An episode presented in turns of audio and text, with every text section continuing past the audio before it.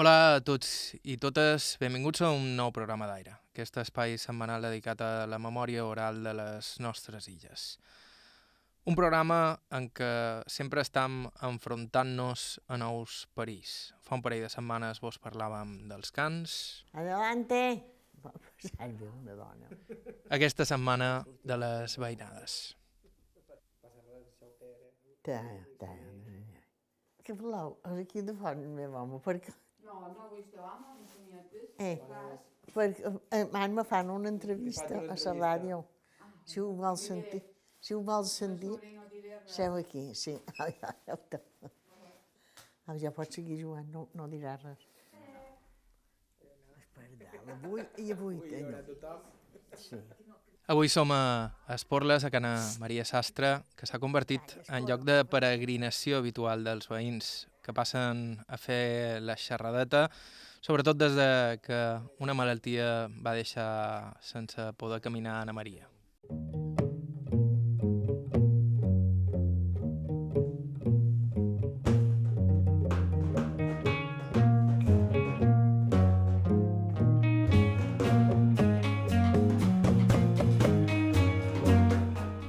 Com veus, no vaig tear la conversa o no del tot. Avui a Aire sentirem la història de Maria Sastre, la segona esportlerina que sentim per aquí en les darreres setmanes.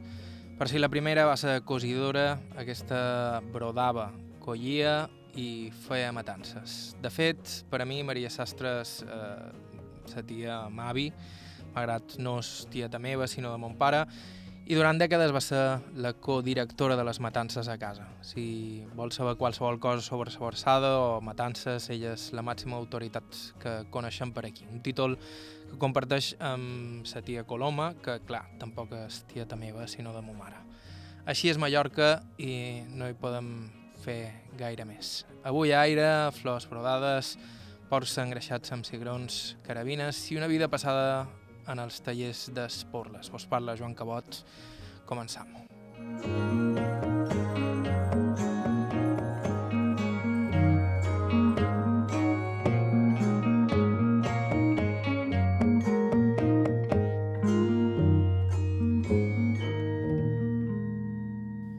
I com sempre, abans de res, les presentacions. Bé, ja, ara ja va. Sí. Idò. Maria Sastre Cabot. Vaig néixer dia de 8 de febrer de l'any 1935. 83 anys. 33 anys. Sí. I vareu néixer aquí a Esporles. Vaig néixer a Espoldes, en el carrer Major. I en què se dedicaven els vostres pares? Mon pare era pica prader i mon mare anava a la fàbrica. Una que li deien a Can Campos. A Can Campos feien roba i mantes. I llavors se varen morir la meva predina i mon mare ja va acabar. I brodava.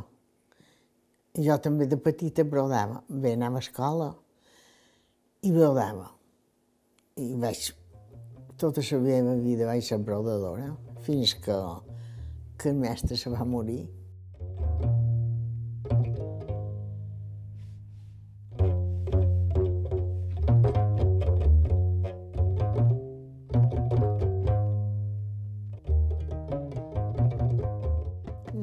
Pare era músic, Era músic, sí. De, sí, mon pare era músic, tocava el saxofon, i mon mare no, mon mare brodava, llavors. I jo no volia brodar, i, i vaig brodar fins a 70 anys i no em va agradar mai brodar. Jo m'agradava més anar-me'n a collir, anar-me'n a fer qualsevol cosa que no fos brodar. I, i la meva germana, tenia, tinc una germana que ella no va voler anar a collir mai, volia cosir, volia cosir, i, i fins que va ser cosidora. Sí.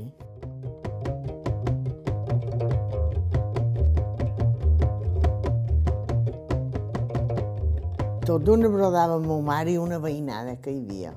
Brodava amb elles, però llavors quan vaig ser més gran, brodava un taller d'espotles. I, de, I després una que li deien Joana Cameta. I després vaig passar a brodar a Can Toni Gomes. I vaig brodar a Can Toni Gomes fins... Per Toni Gomes i vaig brodar fins a 70 anys. I llavors ja ho, va, ja ho vaig deixar perquè ja era bé. Esporles era un poble amb tradició industrial dins del món dels teixits. Hi havia diverses fàbriques textils que donaven feina a bona part del poble i al seu voltant van aparèixer un bon grapat de tallers particulars.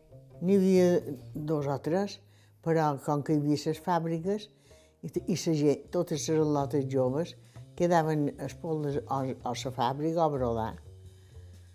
No anaven com ara, que anàvem totes a estudiar això, no? Tot, tot quedava espoldes. És que n'hi havia tres o quatre de fàbriques espoldes. Una, aquesta és de Can Campos, una que li deien Can Esteve, i llavors hi havia l'altra fàbrica que mi li deien en Riu Tort, aquesta que feia mantes, que era tan grossa, perquè aquí on hi havia la fàbrica hi un rai de pisos, i després eh, hi ha molt, unes tanca que hi havia, que hi havia un magatzem d'aquests, ha un, quasi s'ha fet espolles per aquell barri, era molt gran, molt gran. Però hi havia molt d'homes també d'espolles, homes i dones i, i jovenetes, nina, nines a 14 anys o 15 ja entrar, si podien entrar a la fàbrica, ja entraven. No, totes estaven en una cosa que se deien talessos i, i jo no hi vaig anar mai, ma mare no m'hi va deixar anar mai i, i sempre, sempre havia dut idea d'anar a la fàbrica. Però feien, feien llista, feien mantes, quasi tothom estava ple per les fàbriques. I com és que la, vostra mare no us va deixar anar-hi? Ah, perquè me deia que havia d'aprendre de brodar. perquè ell era brodador i volia que jo fos brodadora. Amb els anys, les fàbriques varen anar desapareixent, com molts altres exemples del progrés industrial a Mallorca varen sucumbir a la postguerra i al boom turístic. A poc a poc, primer un i després l'altre, o oh, les fàbriques, que quan tancaren les fàbriques. Primer que n'hi tancaren la de Can Campos. Sí, i tota la gent llavors ja se va despergir a fer feina per Palma, les al·lotes i això, però un temps. Lo, saps què feien també en l'estiu?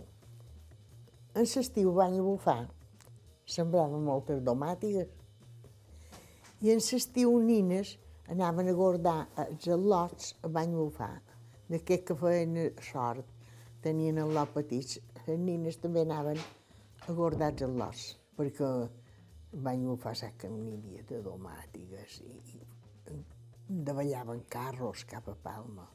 I, i aquesta gent havia de fer feina les domàtigues i els al·lots. Nines d'aquí se n'anaven a guardar el lot, se van agafar. Això és la vida que teníem. Havien d'anar a fer feina a Palma llavors, o, o això. Hi havia un cotxe cada dia per anar a Palma. No, no era com ara que podien anar i venir allà, no.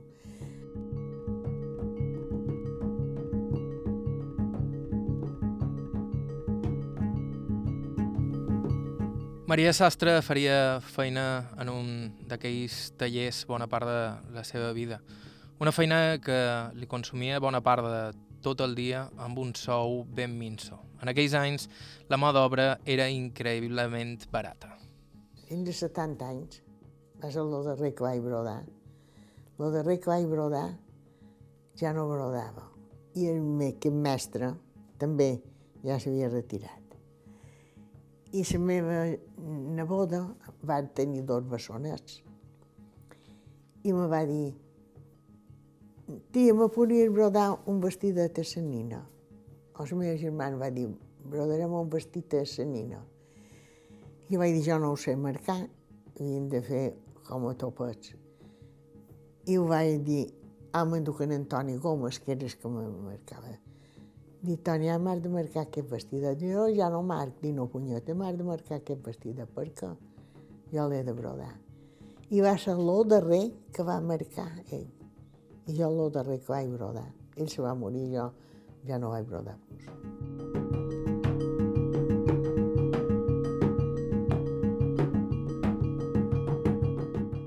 Mantelleries, llençols, tot el que m'ho donaven a fer en jo brodava per aquest Toni Gomes i, i ell em enviava per Barcelona i per tot aquesta. Tenia moltes brodadores. En tenia hasta tota la uva. I a ell els duia feina, la feina, perquè... I aquí érem Ventura érem 20 que brodaven per ell. Aquest home marcava les peces, després els entregava totes velles, de les planxadetes, i mos duia. Anàvem, un, n'hi havia un parell que anàvem allà a brodar, però llavors partia feina per, per molta gent dels pobles. I per aquest poble, a Sauva se cerca era Sauva. I per mi era Santa Maria. I, i em duia feina allà i feina aquí, però tenia una feinada aquest home. El que fèiem més eh, jo sempre vaig brodar manteleries, però llençol també em feien... De llençol ja era una feina més delic delicadeta. Jo brodava sempre de colorins. De colorins n'hi havia que no hi volien brodar. Jo quasi sempre hi brodava i era més vasta la feina, no era allò tan fi. Jo m'anava més bé de colorins. Però feien monades, monades. Mos duen els fils jo me duien els fils de colorins i me deien hem de fer flors, de fer roses i, posarem aquests colors i ja està. Jo, jo me'n desfeia. Però els altres... El que se brodava de blanc era més delicat. Era molt més delicada la feina. Però n'hi havia que brodava molt bé, es molt. I ara no hi ha ni una nina que sabi brodar. Ara, punt mallorquí o, o creveta sí, però de brodat, d'aquest altre brodat, no hi ha ni cap nina que em prengui, perquè llavors sap que te costava molt la feina. Ara que el brodat sempre ha estat les brodadores, les que han guanyat menys. I llavors, com que anàvem a sora, tan sora, si no feies feina... Ara m'ho duien un mantel, posa. I feia un cantó, i comptàvem aquest cantó a una flor això du quatre hores. Però si llavors l'altre el, el feien en cinc, només en cobraves quatre. Era una feina explotada. Una sempre comptava, jo principalment, fèiem flor, flors, comptàvem una flor, aquesta flor d'una hora. I si jo la feia en una hora, tu la feies en mitja, només cobraves mitja. Però si la feies en una mitja, també per dies, només pagava una hora. Una hora se plegava això, tant si la feies. Si llavors la feies en 10 minuts, cobraves una hora. De dilluns a divendres o, o dissabte i tot. I el vespre, el dia no fèiem 10 hores, eh? en feien 12 o 14. Teníem principalment les més joves, teníem la meva mare a casa nostra i només anàvem a dinar i no tornàvem a brodar. I, i creu-me que que estava ben explotat. Principalment que es feien les eren quan eren més joves. Més veies a, a, a nostra ja no feien tanta baldada. I si qualque dia mordaven tal dia d'estar fet això, brodàvem fins a les 12 de la nit, com tal tenir rolles el dia que mordaven, tota mà, tota mà. I llavors hi havia aquestes dones que feien el punt de trau i n'hi ha que en lloc de punt de trau fèiem mi punt. Allà, principalment, nosaltres només brodàvem, però totes per els cavalls els feien altres. N'hi havia que feien mi punt i que feien punt de trau. I llavors n'hi havia que treien els fils per fer això i nosaltres només fèiem el dibuix. Tot, els pobles, totes les al·lotes havien de fer coses d'aquestes. A la sala d'estar de casa seva, Maria Sastre fa que el seu home tregui d'un calaix una d'aquelles estovalles brodades seves. Un treball increïblement minuciós que ben bé li podia dur una setmana de feina. Això és vostre? Sí. Ara has de destapar. Destapar el que el guapo està al mig. Això està així. Així. Eh, és igual, llavors ja ho compon. Treu això mateix, també ho fèieu vos? Sí. No, això no, això hi havia vos dones que feien punt de treu, se diu això. Això se diu punt de treu? Sí, això de Això d'aquí? Punt de treu, sí. Mira una, una servilleta la feina que fèiem. Eh? Sí. Que va ser manteleria. I això? D'esta que t'aguanti el tio allà, el veuràs. al mig que és guapo. Eh. Oh. Quin feiner. Mira aquí de sair la gontanàs, eh? Ah, no sé això si està en endret. Sí. Aquí està en endret. Mira-la. Bo, Joan. I això, com ho, això com ho fèieu? Teavo? No, això traiem fils. Això els atraieu. Tra Traieu... traiem els fils. I com que te'n quedaven la meitat, traiem, posem els bocins així i te quedaven els de cap aquí. I, i, i veus, cada un, cada un té un, un dibuix diferent. N'hi ha, ha un parell que tenen un altre dibuix. Veus, aquí és un altre dibuix. Mm. I per mi, per aquí n'hi havia un altre dibuix. Veus, aquest, aquest també és diferent. I quant de temps podíeu estar per fer un... Per fer això, no sé, molt, molta estona. Dies i dies, sí.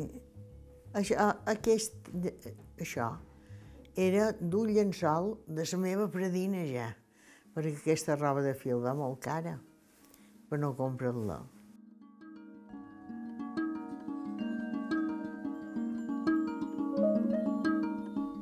Però com ha explicat al principi del programa, a Maria Sastre això de brodar mai li va agradar tant com anar a coir. Ja des de petita s'estimava més fer la temporada, primer les ametles, després les garroves i finalment les olives, que està tot el dia ficada al taller. Vaig anar a escola a casa en monges, no, no hagués pogut estudiar carrera perquè no m'agradava gens estudiar. Però també, a 16 anys, ja havia anat a cuir. Anàvem a estendes cuir, deixaven l'escola i m'on anàvem a cuir. I llavors, quan acabant de cuir, tornaven. Jo a 12 anys ja anava a cuir, a Son Cabaspre. Jo sempre vaig anar a Son Cabaspre a cuir. Primer les ametles, llavors les garroves i llavors l'oliva. Acabaven de veure el febrer i començàvem per agost, en les ametles. No anava a escola. Fins al febrer. I no devíeu ser l'única, però. No, estava ple. No n'hi no havia tantes que anessin a escola. I n'hi havia a Son Coll, a una possessió, a Son, a Son Coll hi havia una possessió que li deien Son Borjosa. I anaven a cuir allà, també. El que de Son Coll quedaven. I de Son Borjosa n'hi havia que, se que pujaven. Hi ha també una possessió que se diu Sant Valentí, que és anant a Banyabufar. També anaven a cuir a gelot d'espolles i anaven a peu i tornaven a peu. Se n'anaven a molt de puestos. Llavors, a, la granja, a la granja ja més a prop, també anaven a cuir cada dia. Una loteria, a Son, a Son Cabaspre, eren 30 o 35 que cuíem. I totes aquestes possessions hi havia tanta gent. I com que anar a cuir guanyaven més en un dia cuint que en la setmana, tothom es tendes cuir se n'anava a cuir. El pergot ja anava a agafar ametles. a agafar les ametles, llavors quan acabaven les ametles les garroves, i llavors l'oliva. L'oliva durava molt, com que era molt gran, són cabàs, però hi havia molt d'oliva, d'oliva. I passàvem un, una vegada i una altra vegada. Una... No, que, no tomaven les olives, queien per elles totes soles i, feien passades. Pintura un puesto passaven tres vegades o quatre. Cada dia, cada dia, quan arribàvem a Son Cabaspre, n'hi havia dues dones, sempre solien ser les mateixes, que feien el camí, cuien totes les del camí fins a Son Cabaspre, fins a les cases. S'hi posaven a baix de tot, cada dia, cada dia, cada dia. El senyor no volia veure olives per, per mi des, que, des camí. No, nosaltres compràvem, no sé si eren sis pessetes cada dia i un litre d'oli cada setmana. I llavors el darrer mos regalaven 4 litres d'oli. Mira, els diumenges cuien i venia una gentada i cuien de les 8 a la 1 per un litre d'oli. Mi- Mira, en aquell temps, si, si valia molt més sol i cara, eh? un litre d'oli. Quan havien acabat a la una, tots anàvem a les cases a cercar soli, un litre, i havien fet totes de matí. I hi havia una gentada que venia. venien aquestes de les fàbriques, com que les fàbriques no feien feina, moltes venien a collir a Son Cabàspera. I anar a collir a Son Cabàspera, que era on ella anava, seria un fet crucial en la seva vida, i és que allà Maria Sastre va conèixer qui seria el seu marit. Però això ho sentiran d'aquí una estona, després de fer una petita pausa. Estau escoltant Aire, això és IB3.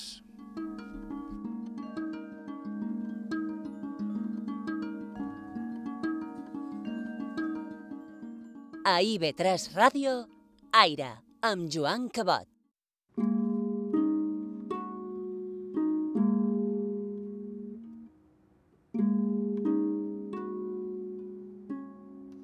A IB3 Ràdio, Aire.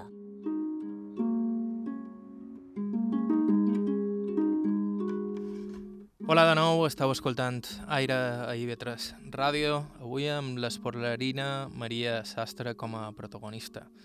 Com han sentit a la primera part del programa, que podeu recuperar via ràdio la carta ib3tv.com barra ràdio o via podcast, na Maria va treballar bona part de la seva vida de brodadora, però sempre va combinar aquesta feina amb altres. Sabia de menjar. De jove era també collidora i anys després va fer de matancera. Tant en un cas com en l'altre va començar de ben jove. Quan vaig tenir de 16 o 17 anys, vaig anar a fer matances a una carnisseria que li deien a Cana Rosa. Un tio meu era casat amb una filla d'aquesta carnisseria. I estent de les matances, la meva tia vivia a Palma. Aquest tio era eh, el mestre de camarer de l'Hotel Mediterrani. I vivien a Palma, i la tia venia a fer, ses mata fer matances. I llavors jo ja me'n vaig anar amb ella, i vaig fer matances, jo no sé quants anys. Per mi, tenia des 16 anys, i, i en, ja, ja em vaig casar, i en Toni tenia des 5 o 6 anys, de fins que es va tancar aquesta matança. Vaig anar a fer matances. De setembre, a l'últim de setembre, posàvem la matança i anàvem fins, fins al principi de, de febrer. Llavors ja s'acabava la matança. Un temps, els porcs no, eren tan, no els feien tan grossos com ara. Quan feien les matances nosaltres, tot el més que feien 100 quilos, no passava massa, però cada setmana en matàvem 25 o 30 i fèiem els dilluns a vespre mos posàvem a matar, se posava els carnissers a matar els porcs. I fèiem les matances, tota la nit matàvem porcs. I els dilluns, en aquell temps, allà a la carnisseria tenia una, màquina de capolar, que no n'hi havia per lloc, i després una pastadora. I el meu tia, la meva tia i el seu germà se cuidaven de fer la sobrassada i una nora d'allà. I, i l'altra, una altra dona que hi havia, i jo ens cuidaven de fer botifarró.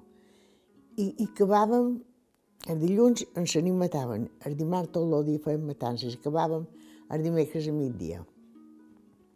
El dimecres vespre se tornaven a posar a matar i tornàvem a fer el dijous i acabàvem el divendres. Això tots aquests mesos.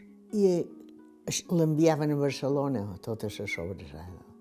Tot això l'enviaven, tota la sobrassada l'enviaven a fora. Només enviaven a fora la sobrassada. Per poble compraven tot el botifarró i, i la carn, perquè només deixaven, però, deixaven molt poca carn. Qualque llom, perquè tot era per fer sobrassada. A Cana Rossa, m'hi deien. Una carnisseria que hi ha al carrer de Sant Pere, Cana Rossa.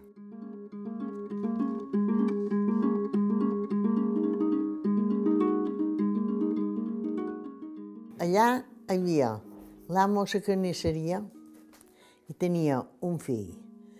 I llogaven un altre home per fer la matança. L'amo matava el porc, això es podia anar ben coordinat. L'amo matava el porc i el fill aquest home el feia net. i després, quan el havien fet net, l'amo l'aixuava. I li jo, moltes vegades estava amb ell, que posava els trastos, els damunt una taula. I, i llavors, aquell, la meva tia i en Jaume se posaven a fer, a fer la sobrassada.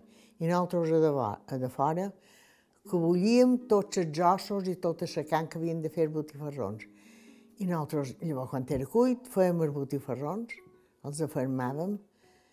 No, no mos duia tanta feina com una casa particular, perquè una, casa particular un temps feien les butges netes i te duia un parell d'hores.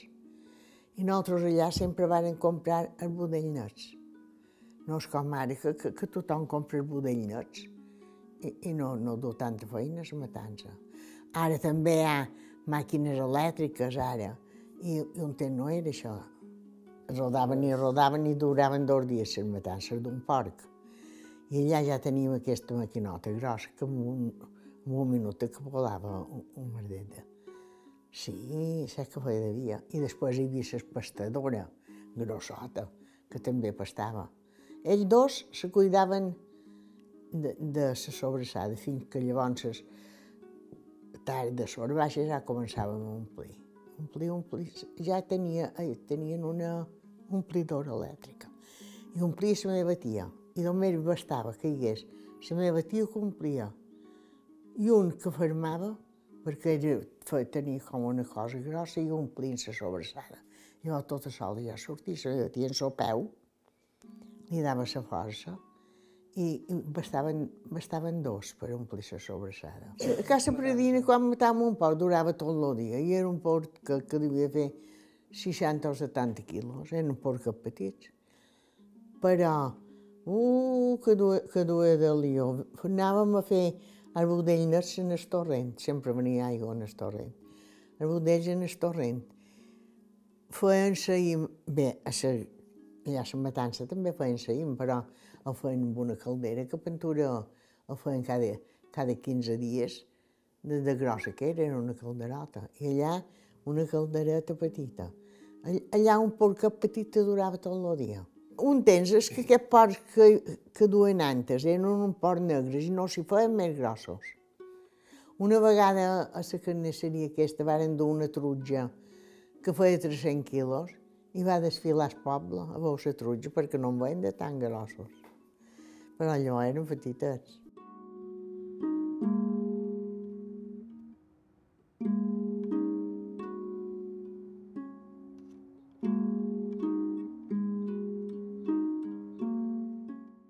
Temps que vaig anar a la matança va ser por negra.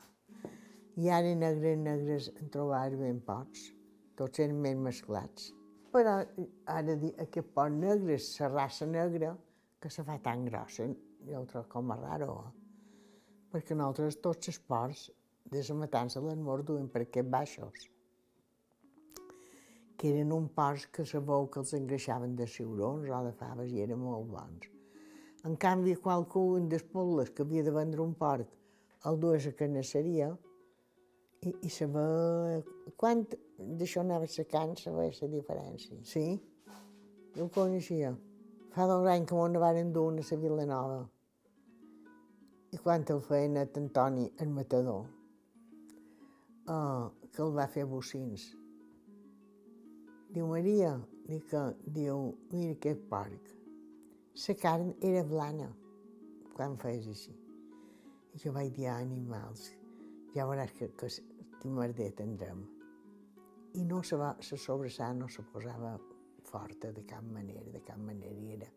I saps que tenen aquests porcs, que els engreixen de, de fuir de col i de tot això de qualque, de qualque botiga i no els donen altre menjar. Un, una vegada són cabals, però vaig anar a matances. Van matar un porc. El tio Bernat el va matar, que era el tio Bernat. I, i va dir, Maria, mira, que, mira aquesta carn. I tenia un color com a groc. I li van dir a aquest, que li ha dat per menjar en aquest porc. Diu, tots l'estiu van menjar carabassa. I, i la carn havia pres un color com a groc. I què és el millor que li per donar-li el porc que s'hora... Ciurons i faves, tot això, i fiques. Farina d'ordi, sí. Que no els donin revetjadures. Com us hem explicat al principi del programa, per nosaltres Maria Sastre i Matances són una mateixa cosa. La tia Mavi, que és com la coneixem a casa, sempre va dirigir les matances a Can Nostra i la consideram la màxima autoritat en la matèria. De fet, després de tancar la matança de la que ens parlava, la cridaven seguit seguit per fer de matancera a cases particulars i així va estar fins fa ben pocs anys. Bé, a nostra matàvem un porquet. A Casa Pradina, que, que a ma ja no. Però allà, en, en sa tia vaig començar. Mira, de 16 anys, jo em vaig casar a 24 anys. I, i 24 anys. I Antoni meu tenia 7 anys quan va, van acabar les matances. Se, no, llavors vaig seguir amb un porquet cada setmana o dos allà. Però la matança grossa se va, va acabar. Perquè se va morir la meva tia. Va començar a estar malalta la tia. Quan se va morir la tia ja se va acabar. Llavors, quan se va tancar eh, això, aquesta fàbrica, jo anava a fer matances a moltes cases que m'ho deien. Fins que he estat bé, eh? La gent que sabia que hi anava me, deien si volia anar. No, i cada any anava bastantes de matances. I era la tercera. I ara, les darreres que vaig anar, va, ara farà dos anys, va ser a la Vilanova. Ja no anava enlloc, ja no volia anar enlloc. Però a la Vilanova hi ha un club que se diu la Cadernera i fa, maten, fan matances un, un dia en, en l'any. I fan, llavors fan sopes i al vespre van a menjar sopes i en aquestes matances hi volia anar. I en aquestes matances, Joana, hi vaig anar 20 anys. Me, vos me van fer aquest, el dia sant que fa fer 20, me van fer a, aquest retrat. I l'any passat, que no hi vaig anar, me van, me dur dues sobrassades.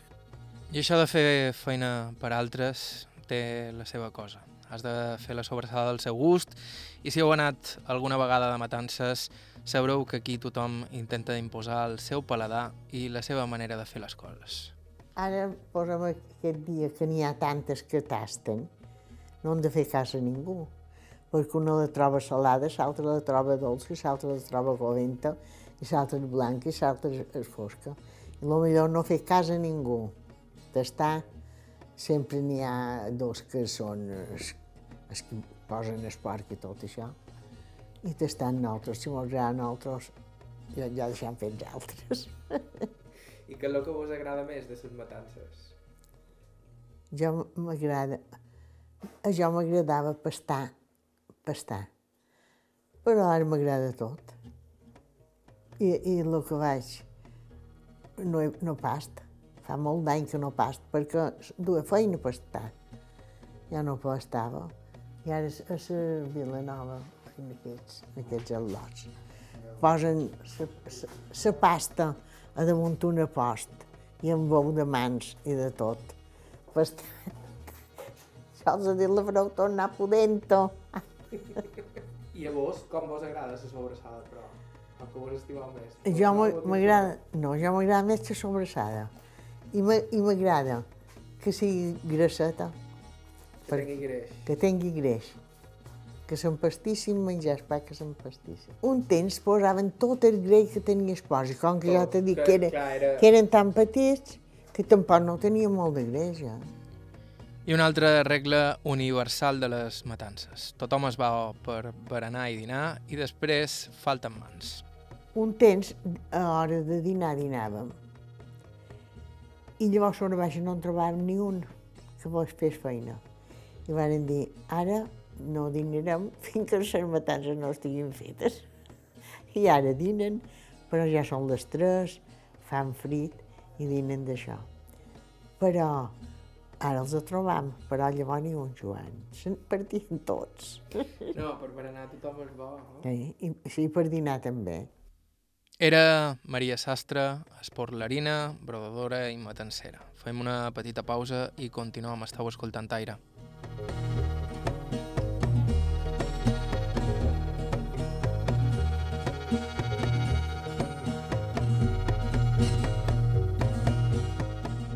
Aire. Joan Cabot.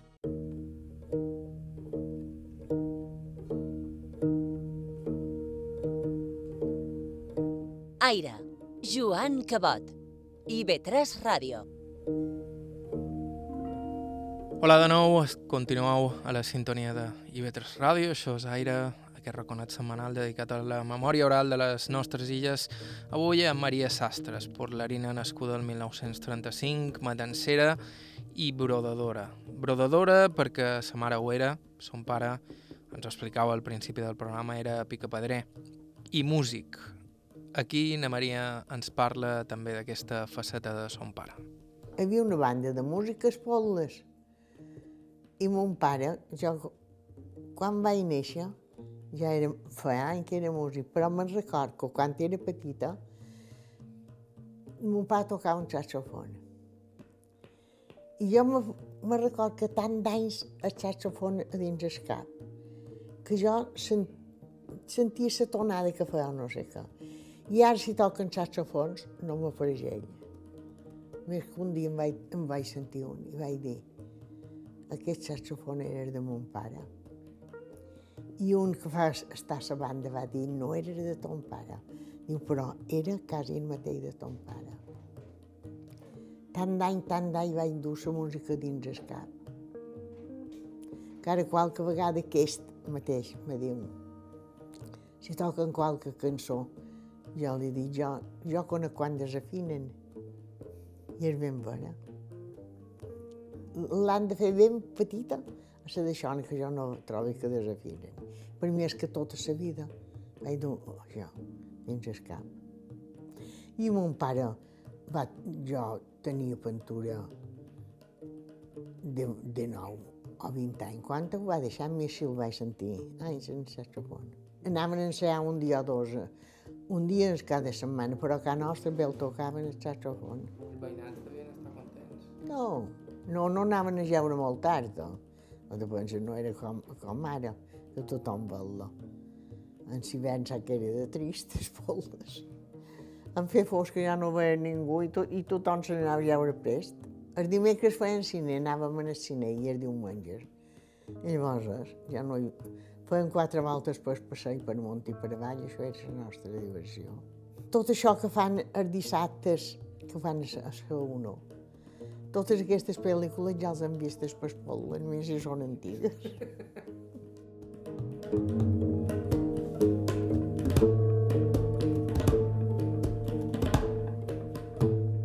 En el vostre home, com el vareu conèixer? Anant a cuir son que però Ah, sí? Estaven a son que però per a dins.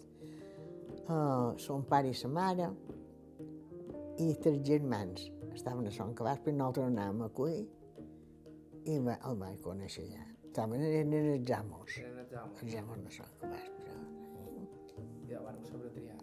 Vaig sobre triar, sí. I vareu festejar molt d'anys. Bu, de ver vuit. Sí, mol, molts. I, I quant em fa que són casats, Toni? 50... De què? Quant d'any fa que són casats? No vull que ara farà 58 o 59. Què t'apareix, Joan? No sé si m'aguantaré tant d'anys a mi mateix. Veníem a festejar amb una bicicleta, no hi havia tant de cotxos. No? Des de Son Cabasco. De sons de son que I està molt en fora. Sí, 3 quilòmetres. 3 quilòmetres. no, i només mos veiem un pic en la setmana. Es davallava el dimecres a festejar i el dissabte, el diumenge mos veiem en el cine i adiós, I ja està. fins l'altra setmana. I do, Dimecres i diumenge en el cine. i do. Si no mos deixaven anar enlloc tots No sols. podíeu fer res. Vam, havíem de dur sempre, sempre una carabina. La tia, una tia, la meva predina jove. Maria Sastre m'explica diverses històries de carabines. En aquells anys no podies anar en lloc sense vigilant i molt manco a ciutat. Una vegada m'on vàrem anar, era una altra amiga i jo, on anàrem en el ram, m'on duen de carabina un, un germà seu.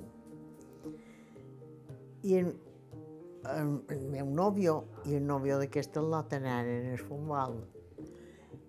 I nosaltres vàrem quedar amb aquell nen i, i vam veure dos joves que havien fet el servici sense el seu germà. Diu, com va? Diu, bé, diu, i què feia per aquí? Van dir, mos passejam.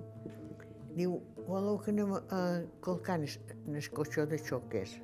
Bon, anàvem a colcar i en aquell nen li van dir, no siguis tu que diguis que han colcat en el cotxe de xoques a ningú. I ell diu, no, no ho diré. Quan vengueren del futbol, el nòvio d'aquella diu, hem estat amb un arròs. Tots hores baix amb un arròs. I la seva nota es va fer ràbia i va dir, nosaltres aquí amb un jove. I va dir, que no és baratoni, i no m'hi atoni que nin, diu no. I no li varen poder fer dir que havíem estat a un al·lot. Fem, on havien de anar qualcú, no podíem anar tots sols. Era molt diferent d'ara. Era molt diferent d'ara. I ara, com que cada dia se mouen i sempre estan junts, i, i se cansen més que llavors anar més endarrer, un que en sa setmana.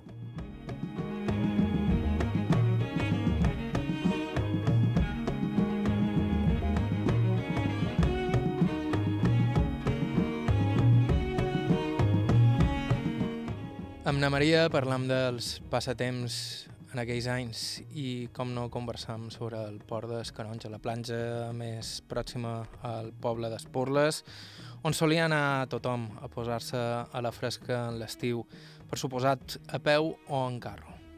A peu. No, no hi havia cap cotxe, no hi havia anat cap cotxe mai, m'apareix. A peu hi anàvem. I qualcú tenia un carro i anàvem amb un carro. No, però eh, en l'estiu, molt, molt, molt, que anàvem al port dels canons i no tenien casa ni res, dormien a davall un pi. I la gent s'ajuntava i llavors anava, els que volien anar a nedar, nedava, i si no quedaves per allà. Partíem a peu, de vegades ho feia no me deu nines, ja més grandetes. Anàvem al port dels canons, on anàvem al port dels canons. I llavors es tornàvem a pujar a peu. I on duem qualque cosa per menjar, i, i com que hi havia moltes dreceres, no, fèiem, no hi havia tant, feien les dreceres a peu i saps què feien? Devien anar-hi en les portes canonges. Crec que en tres quartets m'ho n'hi anàvem.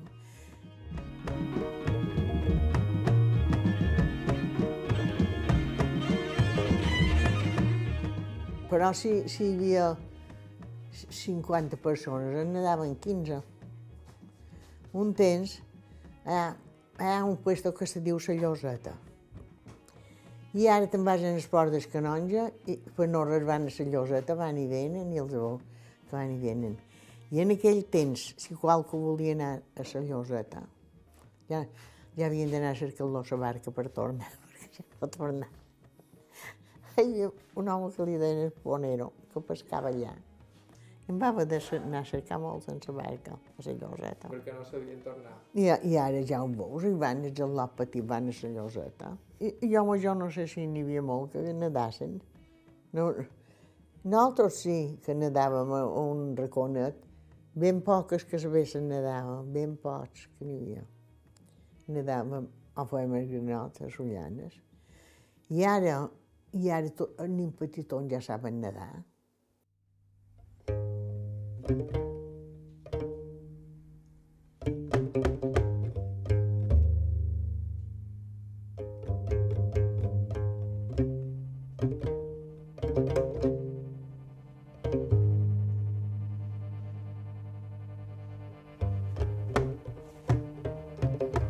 L'esport del canonge ha canviat moltíssim des d'aquells anys en què la gent d'Esporles hi anava a fer nit encara que no hi tingués casa. També Esporles s'ha transformat completament i això que és un dels pobles de la Serra de Tramuntana que encara han conservat certa mesura. Maria Sastre m'explica que abans el poble no feia ni la meitat del que fa ara. La meitat d'ara, o, o no arribava, no arribava. Els pobles, en aqu... tot això, d'aquesta plaça per amunt, nosaltres ja estàvem aquí i vam fet. No hi havia cap casa. Llavors, de, de la carretera, només hi havia un carrer, tot l'altre era camp. I ara està tot ple de xalets i, i, i de tot. aquí totes les cases tenien un hortet. Tot això que han fet nou no té hortet, però totes les cases antigues tenen un trast i tothom feia. I les dones o brodaven, o cosien, o feien mig punt, de tot. Les al·lotes se vivien a, a dins els pobles. No n'hi havia, havia qualcuna que anava a Palma, però no. No. I és aquí on entra fort la nostàlgia. Era, era un- una cosa tan diferent d'ara que, que, jo m'he trobat tan rara al costat, perquè ara surt per tot veu gent, llavors no veig gent, gent pel lloc. No, era, era com a més agradable, no ho sé. Jo m'agradava aquell temps. Quan, quan jo era petita, vivíem en el carrer Major, i en el carrer Major, eh, per darrere, per trast, que diguem passava el torrent. I totes les nines anàvem a jugar al torrent. Allà, en l'estiu encara venia aigua i descalces per dins l'aigua. I ara, on hi ve aigua, tan sols ho veus. Amb aquesta igà tan sols no ha de ballar el torrent. És molt diferent la vida.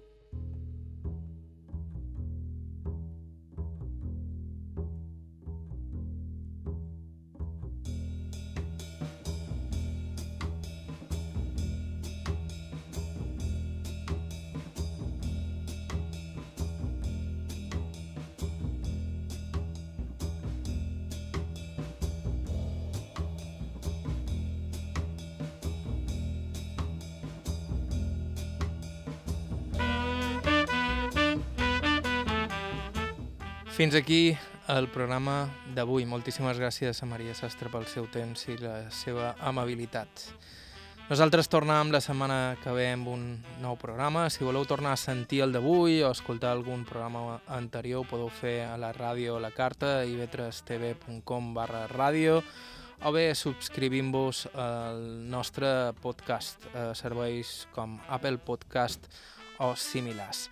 Si teniu propostes, suggeriments o us voleu posar en contacte amb nosaltres per qualsevol cosa ens podeu escriure a aire.ivetresradio.com i també ens podeu seguir a Facebook, Aire i Ivetres i Instagram, aire barra baixa Ivetres. Bàrbara Ferrer i Margalida Mateu a la producció executiva, Miqui Fiol a la producció tècnica, vos ha parlat Joan Cabot. Fins la setmana que ve.